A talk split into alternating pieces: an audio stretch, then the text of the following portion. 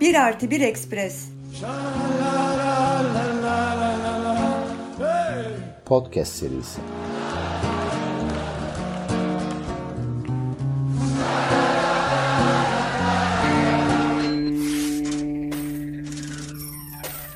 Ekonomi politik.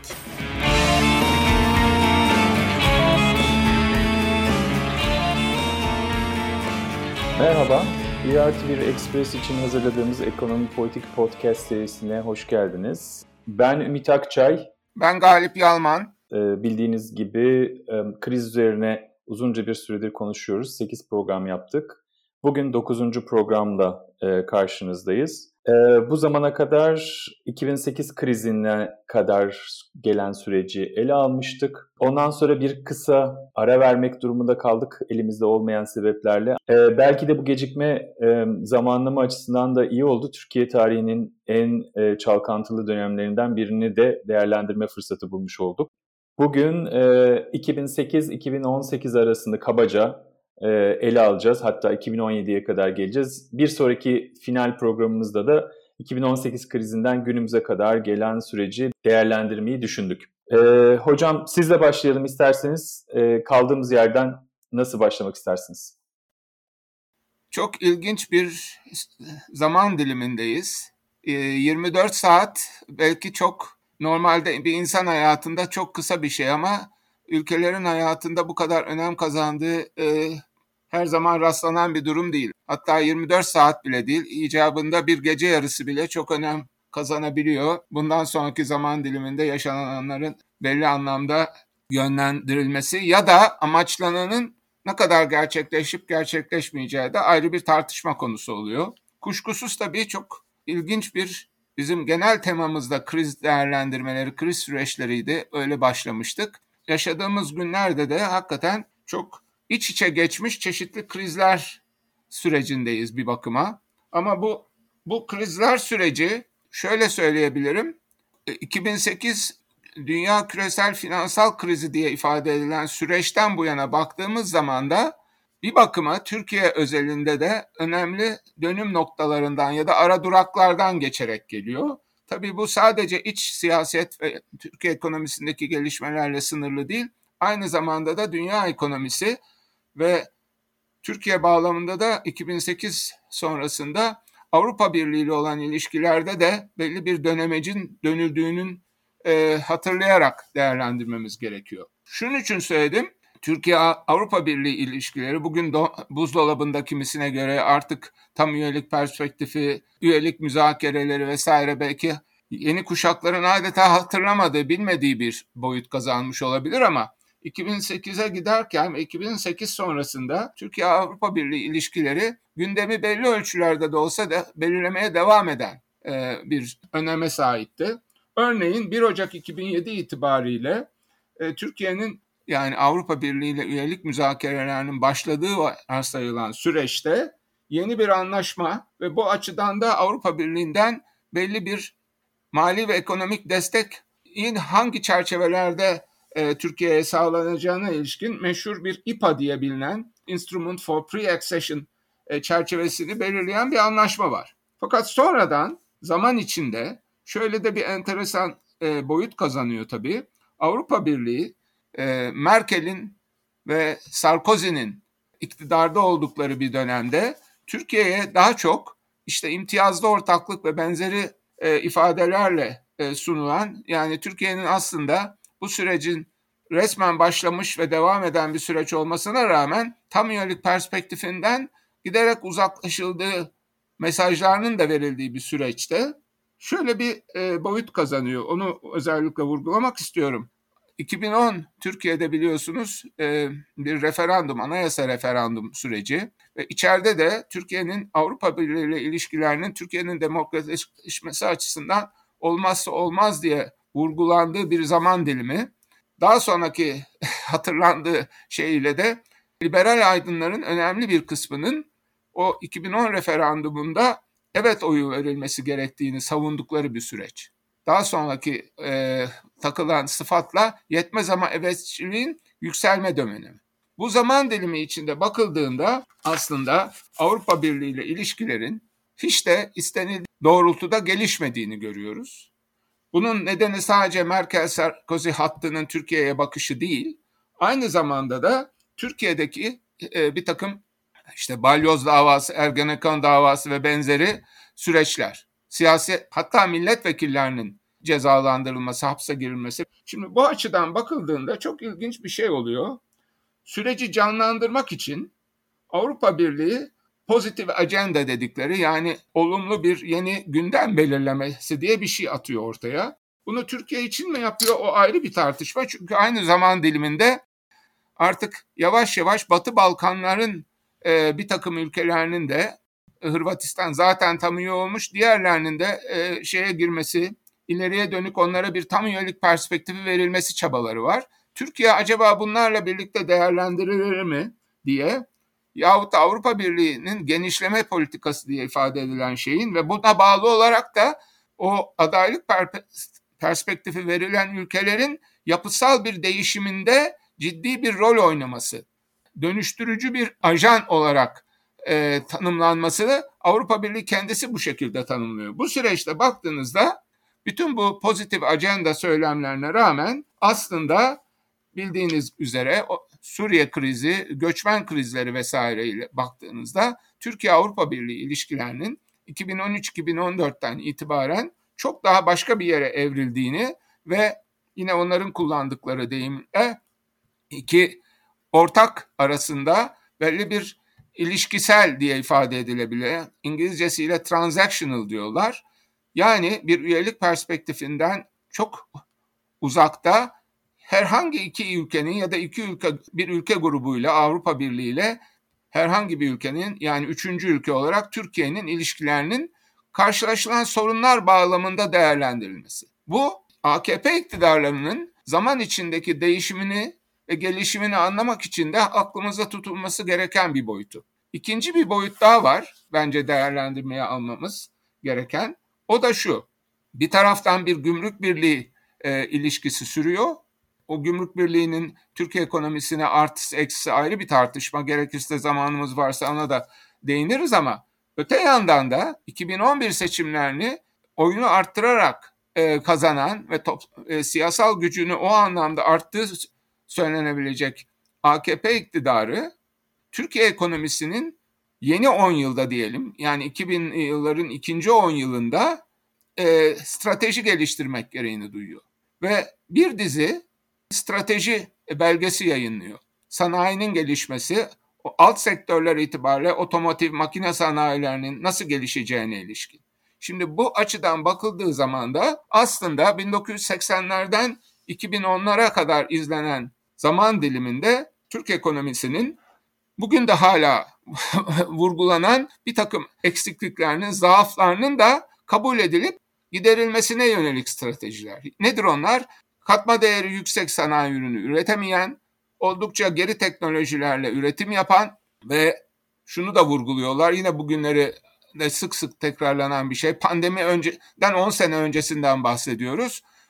E, küresel çaptaki üretim e, mal e, zincirlerine entegre olmak ve özellikle de özellikle de aynen bugünü çağrıştırsın diye söylüyorum. Doğu Asya ve Çin örneklerini bir model demiyorlar ama e, en azından ders çıkarılacak örnekler olarak gündeme getiren belgeler bunlar. 2011 yılı itibariyle resmi belgeler, e, Türkiye Cumhuriyeti hükümetlerinin yayınladıkları belgeler. O açıdan da zaman içinde bu belgelerin koyduğu hedefler ne kadar gerçekleşmiş ya da değil onu da ayrıca değerlendirmek önemli diye düşünüyorum. Güzel bir çerçeve oldu. Hem e, dış ilişkiler boyutunu e, özellikle Avrupa Birliği ba- bağlamını hem de daha politik tartışmanın çerçevesini çizmiş oldunuz. 2001-2008 e, krizine kadar hatta belki 2013'e kadar gelen bir e, Türkiye ekonomisindeki dönemin e, iktisadi sonuçlarını da iktisadi ve siyasi sonuçlarını da görmeye başladık bu dönemde. Ben onlardan onlara kısaca değineyim. Bunlardan ilki Türk lirasının değerli tutulması, enflasyonla mücadele programı çerçevesinde Türk faizlerin artması ve bunun sonucu olarak enflasyonun kontrolü altına alınmasının belki de yan etkisi olarak Türk lirasının değerlenmesi sonucunda bir dizi değişkende kritik gelişmeler yaşandı Türkiye ekonomisinde. Bunlardan ilki cari açığın sistematik halde artmış olmasıydı. Bir diğeri e, Türkiye'deki üretim yapısının imalat ve e, imalat sanayi ya da genel olarak sanayi ve tarımda giderek aşınmaya başlaması oldu bu Türk lirasındaki değerli e, değerlenme sonucunda. Bir diğer e, sonuç sermaye girişlerine olan bağımlılığın daha da artması oldu. Sermaye girişleri canlı olduğu yıllarda ekonomik büyümenin gerçekleştiği, sermaye girişlerinin durduğu yıllarda ekonomik e, büyümenin tersine döndüğü hatta e, daralmaların yaşandığı dönem oldu. Belki bir başka sonuç olarak e, işsizliğin sistematik olarak %10'lu seviyelerin üzerinde bir patikaya oturduğunu söyleyebiliriz. Birkaç istisnai yıl dışında işsizlikte %10'un altına gelinemedi bir türlü. Ve bütün bunlar Türkiye'de 2001-2008 arasında uygulanan IMF programı ve ardından da küresel finansal krizde merkez, kriz sonrası merkez ülkelerin politika tepkisinin parasal e, genişleme şeklinde şekillenmesi sonucunda Türkiye'ye gelen paralar ile oluşan aralığı kullanarak 2001-2008'in 2013'e kadar uzatılması sonucunda Türkiye ekonomisi yapısal olarak yaşadığı, e, uyguladığı ekonomik e, modelin sonuçlarını görmeye başladı. Bu sonuçların hepsi neredeyse negatif sonuçlardı. Çünkü 2013'e geldiğimizde sermaye hareketleri durmaya başladığında, yavaşlamaya başladığında en azından Amerikan Merkez Bankası e, zamanın Merkez Bankası Başkanı Ben Bernanke'nin e, Mayıs 2013'te ilan ettiği e, ekonomik program çerçevesinde parasal genişlemeyi durduracakları ve zamanla da faiz artışına gidecekleri açıklaması sonrası bizim gibi ülkelerden e, yurt dışına doğru, Amerika'ya doğru sermaye akımları tekrardan yön, yönlenmeye başladı. Şimdi bu kritik bir değişim idi.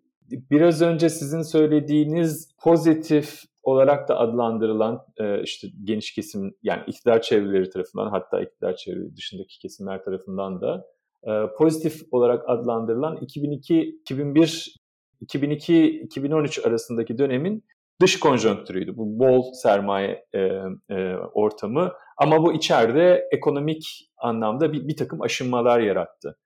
Bir noktayı daha e, işe, e, ekleyip e, sonra tekrardan size döneyim. Bu ekonomik e, model aynı zamanda e, yani onu da vurgulamakta yarar var. E, sert bir e, istikrar programıydı aslında 2001 sonrasındaki. Şöyle bir soruyla 2000'lerin ilk yarısında hatta belki 2010'lu yılların başında e, karşı karşıya kalmıştı Türkiye'deki sosyal bilimler e, camiası. Ne oluyor da e, bu e, sert ekonomik, e, neoliberal ekonomik programı uygulayan iktidar sürekli oylarını arttırarak e, iktidara kalmayı devam edebiliyor ve giderek güçleniyor.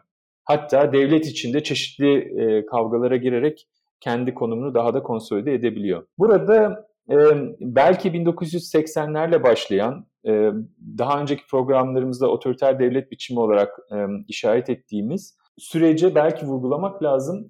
Ben orada 2000'li yılların daha özel bir, belki 1980'lerde başlayan projenin tamamlanması, 90'lardaki biraz e, karşı itirazların e, tasfiye edilmesi ve neredeyse örgütlü işçi sınıfının tamamen tasfiye edilmesiyle sonuçlandığı bir süreci yaşadığımızı düşünüyorum 2000'lerin ilk yarısında özellikle. Yani burada e, birkaç e, birkaç noktayı vurgulamak gerekirse Türkiye'de 2000'li yılların öncesinde hiç olmayan ama 2000'ler sonrasında hayatımıza giren konulardan konuların en önemlisi borçlanma, bireysel borçlanma. Yani ne oluyor da e, neoliberal ekonomik programı e, uygulayan iktidar e, oylarını arttırmaya devam edebiliyor diye sorduğumuzda benim aklıma gelen mekanizmalar mekanizmalardan biri biri bu finansal içe, içerilme mekanizması. Orada da bireysel borçlanmanın giderek arttığını görüyoruz. Milli gelire oranı borcun 1.8 2002'de, 2013'e geldiğimizde %19. Müthiş bir e, artış var, 10 kattan fazla artış var. Bu reel, reel ücretleri artmasa bile insanlara bir tüketim kapasitesi yarattığı için iktidara olan e, onayı daha da artabiliyordu. En azından maddi yaşam düzeyinin iyileştiğini görüyoruz bu dönemde. İkinci durum, ikinci e, belki mekanizma sosyal içerilme mekanizması olarak tanımlanabilir. Hani ilki finansalsa ikincisi de sosyal içerilme. Burada da yaygın olarak e, daha çok üzerine çalışılmış bir konu bu. E, çeşitli sosyal yardım programlarıyla daha siyasi olarak dizayn edilmiş belki oya endeksli sosyal yardım programlarıyla e, siyasi desteğin sağlanmaya çalışılması. E, sonuçta karşımıza şöyle bir şey çıktı. E, yani e, Türkiye OECD ülkeleri içerisinde en uzun çalışma saatlerine sahip olan ülke. E, haftada 50 saatin üzerinde çalışanların oranı %48 ve yine bu iş yaşam dengesi diye OECD verileri tarafından tutulan e, göstergelerden biri. Türkiye'nin puanı e, en sonda e, sıfır. Ve e, şeye baktığımızda da sendikalaşma düzeyine baktığımızda da 2000'lerin başında %28-29 iken bu 2014'te 15'te %6'lara 7'lere kadar geriliyor. 1980'lerde ortaya çıkan ya da dizayn edilen diyelim e, iktisadi siyasi düzenin sonuçları 2000'li yıllarda AKP iktidarının uyguladığı ekonomik program sonucunda ortaya çıkıyor. Bir şey daha ekleyeyim sonra e, size ileteyim. Bunun e, siz daha ifade edersiniz muhtemelen ama şöyle bir e, sonucu oldu gibime geliyor. Alt sınıfların siyaset sahnesindeki gücü, etkisi, e, karar alma düzeyindeki e, karar alıcıları etkileme kapasitesi giderek daraldı ve bunun sonucunda da hakim sınıf içerisindeki mücadelelerin giderek yo- yoğunlaştığı ya da hakim sınıf demesek de iktidar bloğu içerisindeki daha geniş tanımlayalım. Hani siyaset sınıfını, bürokrasiyi ve farklı sermaye fraksiyonlarını da iç, içererek iktidar bloğu içerisindeki mücadelelerin giderek daha da yoğunlaştığı bir dönemin kapısını açtı bu e, alt sınıfların e, gücünün aşınması diye düşünüyorum. 2013 sonrası zaten iktisadi krizle siyasi krizin iç içe geçtiği, devlet kriziyle birikim modeli krizinin iç içe geçtiği bir yapısal kriz konjonktürü e, halini aldı deyip e, uzun bir e, tirattan sonra size bırakayım. Güzel oldu getirdiğin nokta Ümit. Çünkü biraz önce de değindiğim gibi Avrupa Birliği'nin Türkiye'ye yaklaşımında 2011-2012'de gündeme getirmeye istediği yani üyelik müzakere sürecini canlandırma girişimi diye ifade edilebilecek pozitif ajanda diye ifade ettikleri şey aslında başlamadan sona eriyor diye düşünülebilir. Çünkü bu bağlamda yine Avrupa Birliği e, diliyle konuşursak 23. ve 24. fasılların açılması söz konusu ve bu fasılların açılmasının e, Avrupa Birliği Türkiye ilişkilerinin gelişmesine taş koyduğu söylenebilecek amiyane tabirle Yunanistan, Güney Kıbrıs ya da Fransa'dan ilgisi yok. Bu fasılların açılması Türkiye açısından da çok arzu edilmeyen şeyler. Neydi bunlar? 23. fasıl yargı ve temel haklar, 24. fasılda adalet, özgürlük ve e, güvenlik başlıklarını taşıyor. Şimdi niye bu e, böyle bir sıkıntı oluyor?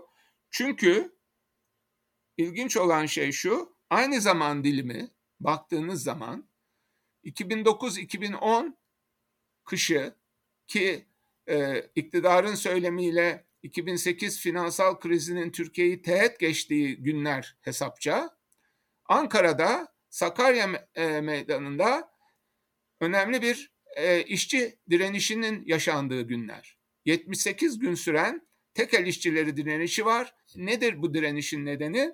Çünkü özelleştirilen ve sonuç itibariyle tamamen tasfiye edilecek olan tekel işletmelerinin e, o noktada büyük ölçüde zaten e, işçi çıkarımı olmuş ama geriye kalan işçilerinin de 4C diye tabir edilen bir yasa maddesi çerçevesinde özlük haklarının kaybetmesi e, söz konusu. Çünkü bu işçilerin artık tekel diye bir şey kalmayacağı için e, farklı devlet kurumlarında güvencesiz bir biçimde çalıştırılmaları söz konusu. Buna karşı direniyorlar. 78 gün süren bu direnişe iktidar çok sert bir tavır alıyor.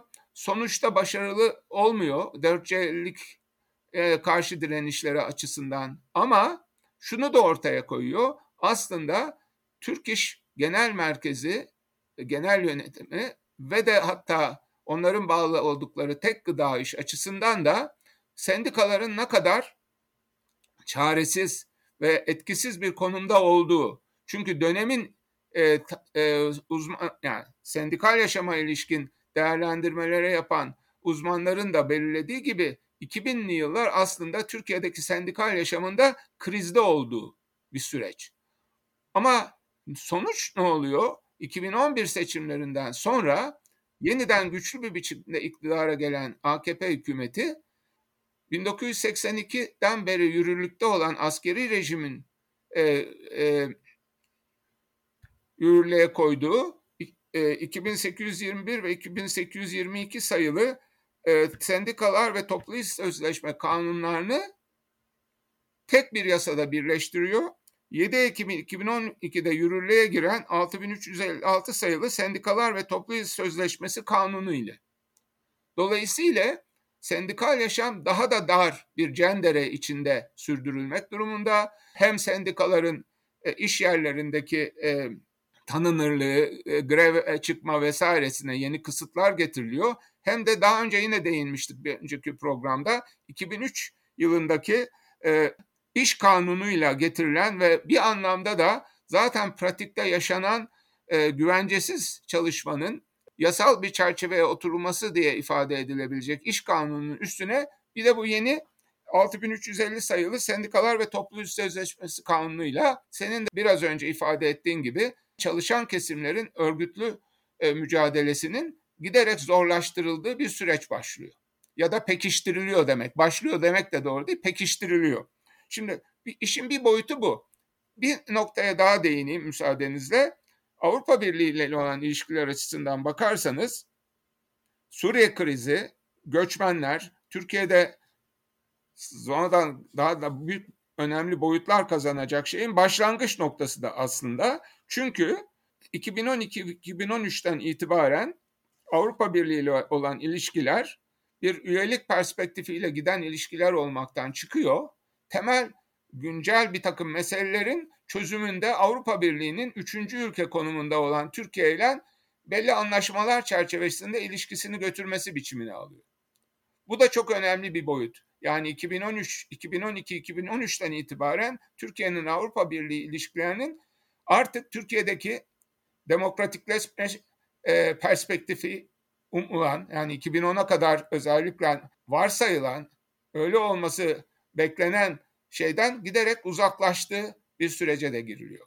Bu da Türkiye'deki siyasal çerçevenin giderek e, sıkıntılı bir biçimde daha sonra da rejimin otoriterleşmesi diye ifade edilen süreç açısından da önemli. Şunu da vurgulayalım. O 2010'a kadarki süreçte önemli meselelerden bir tanesi Avrupa Birliği'nin yıllık Türkiye ile ilişkileri bağlamında raporlarda da Türkiye'deki liberal aydın kesimlerinde çok sıkı sıkı sarıldığı bir boyut vardı. Demokratikleşmenin olmazsa olmazı. Neydi o? Askerin siyasete müdahil olmaması. Ya da yine o zamanki jargonla vesayet rejiminin sona erdirilmesi. Şimdi 2010 anayasa değişiklikleri bunu hedefledi görünüre de. Ama sonraki süreçte gözünüktü ki demokratikleşme asker siyaset askerin siyasetle ilişkisiyle sınırlı bir şey değil. Gerek sendikal kesimin olan ya da çalışanların genel olarak içine düştüğü durum giderek e, güvencesiz çalışmanın yaygınlaştığı, örgütlü mücadelenin giderek zorlaştırıldığı bir süreçte bakıyorsunuz yargının bağımsızlığı, kuvvetler ayrılığı ilkesinden giderek uzaklaşıldığı bir süreç başlıyor. Dolayısıyla 2017 anayasası anayasa değişikliğiyle yeni bir rejim değişikliğine giden sürecin öyle söyleyeyim e, taşları e, e, 2012'den itibaren aslında döşenmeye başlıyor. Bunu da hat, hatırda tutmakta yarar var. Ben de şunları ekleyeyim. 2007-2017 arasında iki tane referandum oldu biliyorsunuz 2007'de ve 2017'de. İlki Cumhurbaşkanlığı seçimi üzerinden e, yaşanan krizle e, krize çözüm için geliştirilmişti ve Cumhurbaşkanı'nın halk tarafından seçilmesi e, referandumuydu. 2017'de de rejim değişimi için e, referandum yapıldı bu sefer. Parlamenter sistemden e, şu anda içinde bulunduğumuz e, Cumhurbaşkanlığı hükümet sistemine e, dair e, geçiş için.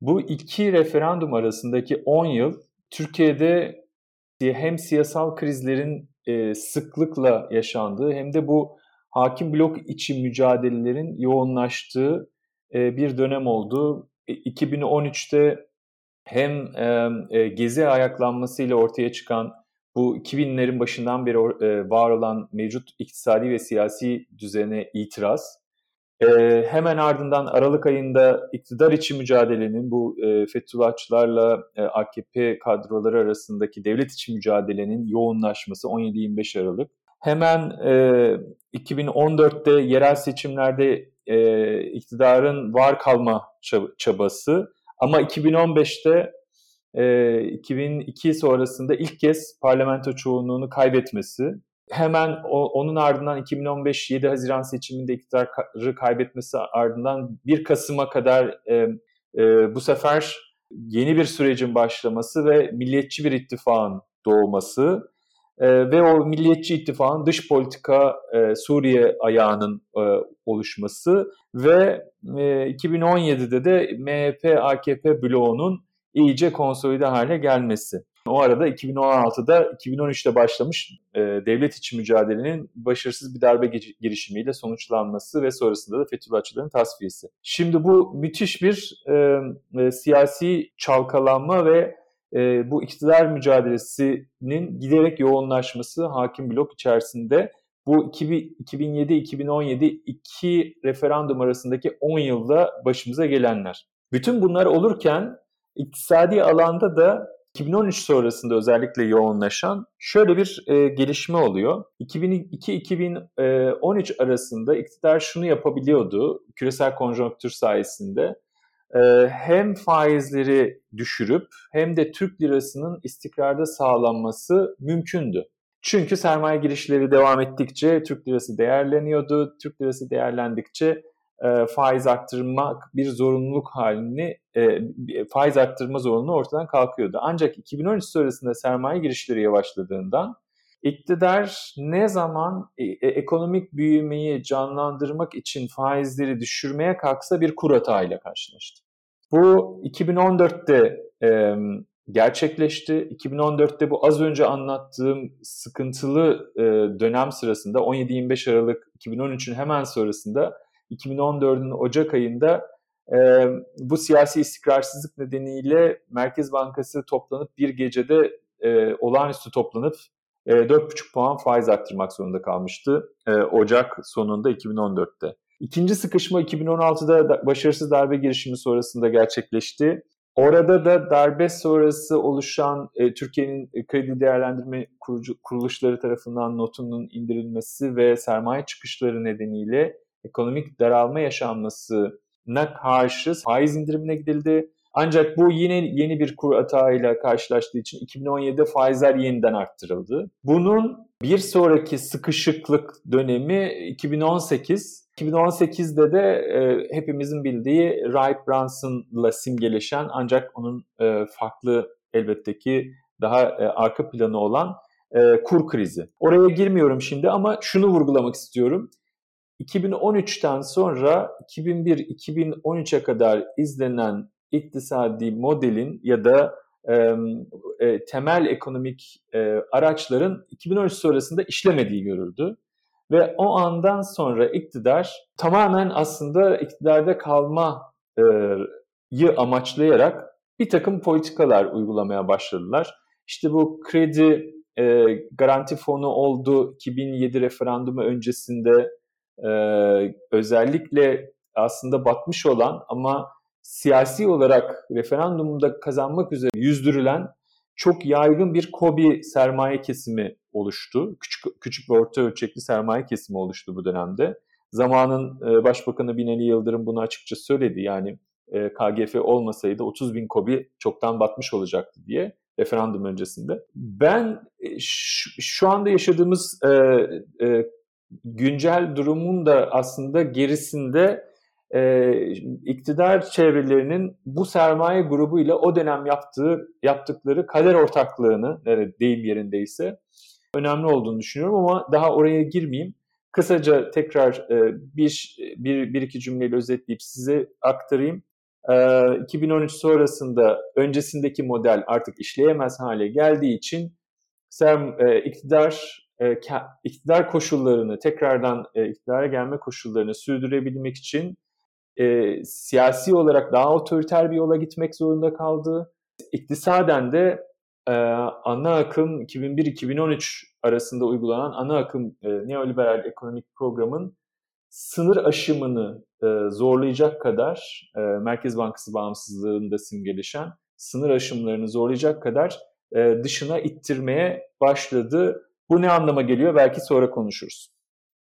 Oktar Türel hocamızın da kulaklarını da çınlatalım. Çünkü o bu e, 2014'te yayınlanan bir makalesinde AKP'nin ilk 10-12 yıllık dönemini habis üçlü diye tanımlıyordu. Neydi bu habis üçlü? Sanayisizleşme, sendikasızlaşma, özelleştirme.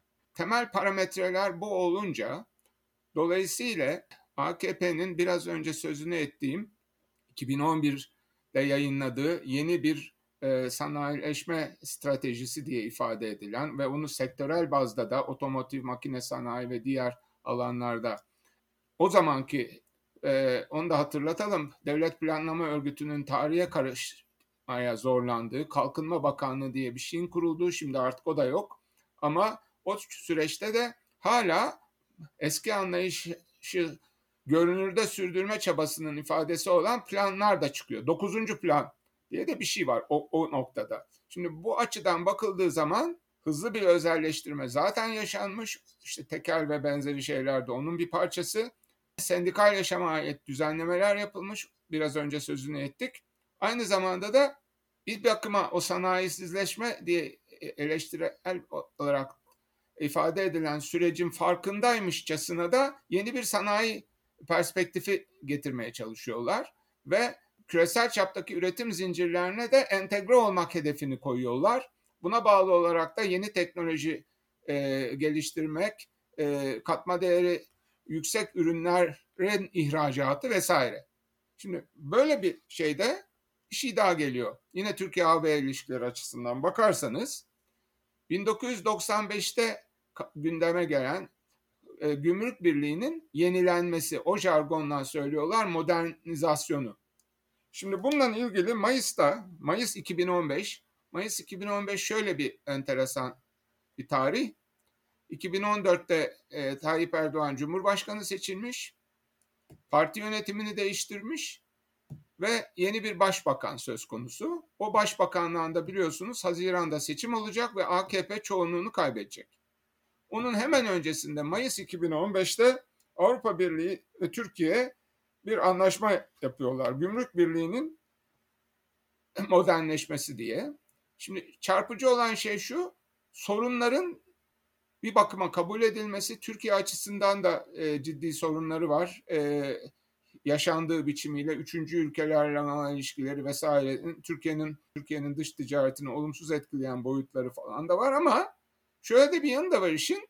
Yine Türkiye'nin liberal intelijansiyası sanki bu modernleşme süreci e, Türkiye'nin Avrupa Birliği ile olan e, müzakere sürecini yeniden canlandıracak bir şey gibi görüyor. Halbuki Avrupa Birliği açısından bakarsanız alakası yok. Zaten müzakere süreci o tabirle söylersek buzdolabında ama modernleşme diye ifade ettikleri gümrük birliği ilişkisi zaten baştan beri e, tam üyelik perspektifinin dışında bir şey. Şimdi bunun da altını çizmek gerekiyor. Çünkü yeniden gümrük birliğinin modernleşmesi diyelim gündeme gelse bile bu Avrupa Birliği Türkiye ilişkilerinin yeniden bir tam üyelik perspektifiyle ileriye dönük geliştirilmesi anlamında da gelmek zorunda da değil. Ama böyle de bir algı yönetimi hani yine son dönemin moda jargonundan söylerseniz söz konusu ve bunu iktidar da yeri geldiğinde kullanma şeyinde. Son bir nokta Bu süreçte Dünya Bankası'na bir çalışma yaptırılıyor. Gümrük Birliği'nin değerlendirilmesi diye. Gümrük Birliği'ne ilişkin bir takım eleştiriler yapmakla birlikte Dünya Bankası'nın 2015'teki değerlendirmesinde bir tür AKP iktidarının sırtının sıvazlanması söz konusu. Çünkü yeni bir istihdam stratejisi e, yaparak e, emek piyasalarının giderek daha esnek bir nitelik kazanması doğrultusunda attığı adımlar kutlanıyor, tebrik ediliyor ve sürdürülmesi isteniyor. Şimdi böyle bakıldığında da zor, dolayısıyla hani bir taraftan Batı ile ilişkiler işte IMF ve Dünya Bankası ile ilişkilerin sanki biraz daha sıkıntıya girdiği bir diye ifade edilen bir süreçte aslında Türkiye'nin e, öyle söylersek neoliberal mantığa uygun bir biçimde de emek piyasalarını giderek güvencesiz, e, esneklikten anlaşılan o büyük ölçüde emek dünyasının giderek sermayenin sınırsız tahakkümüne tabi bir biçimde e, sürdürülmesi bu açılardan bakıldığı zaman da e, gayet şey e, dikensiz gül bahçesinin e, sürdürülmesinden yana Dünya Bankası'nın da meseleye yaklaşımının altını not etmek isterim. Sanıyorum 2018'e kadar gelen e, dönemin 2008-2018 arası kabaca dönemin ana özelliklerini konuşmuş olduk. E, ekleyeceğiniz bir şey varsa son bir iki cümle isterseniz ekleyin. 2017 anayasa referandumuna giden sürecin demin de söyledim şeyi buradan başlıyor zaten 2015 Haziran seçimlerinin bir başında kadük edilmesi, koalisyon e, yollarının tıkanması ve 1 Kasım 2015. Ama 1 Kasım 2015'e giden süreçte de e, Suruç, ardından e, Ankara Garı, 10 Ekim Ankara Garı gibi katliam boyutlarında e, terör olaylarının yaşandığı bir zaman dilimi. Bu da baskının ve e, dolayısıyla insanların muhalefet etme e, olanaklarının da büyük ölçüde kısıtlandığı bir sürecin de aslında çok kanlı ve çok üzücü e, örnekleri olarak da tarihe geçti. Bunu da altını çizmekte yarar var. Hani sen sö- demin söylediğin bir siyasi kriz, devlet krizi denilen şey de bu koşullarda e, gayet belirgin biçimde insanların günlük yaşamını da çok korkunç boyutlarda e, etkileyen ve e, amaç değer oysa sindiren sindirmeyi, e, insanların sokağa çıkmasını engellemeyi insanlara düşündürten sonuçları da oluyor. E, unutmamak lazım. Yaşanan sürecin daha sonraki zaman dilimindeki gelişmelerini değerlendirmek açısından. Teşekkürler hocam bu ek için.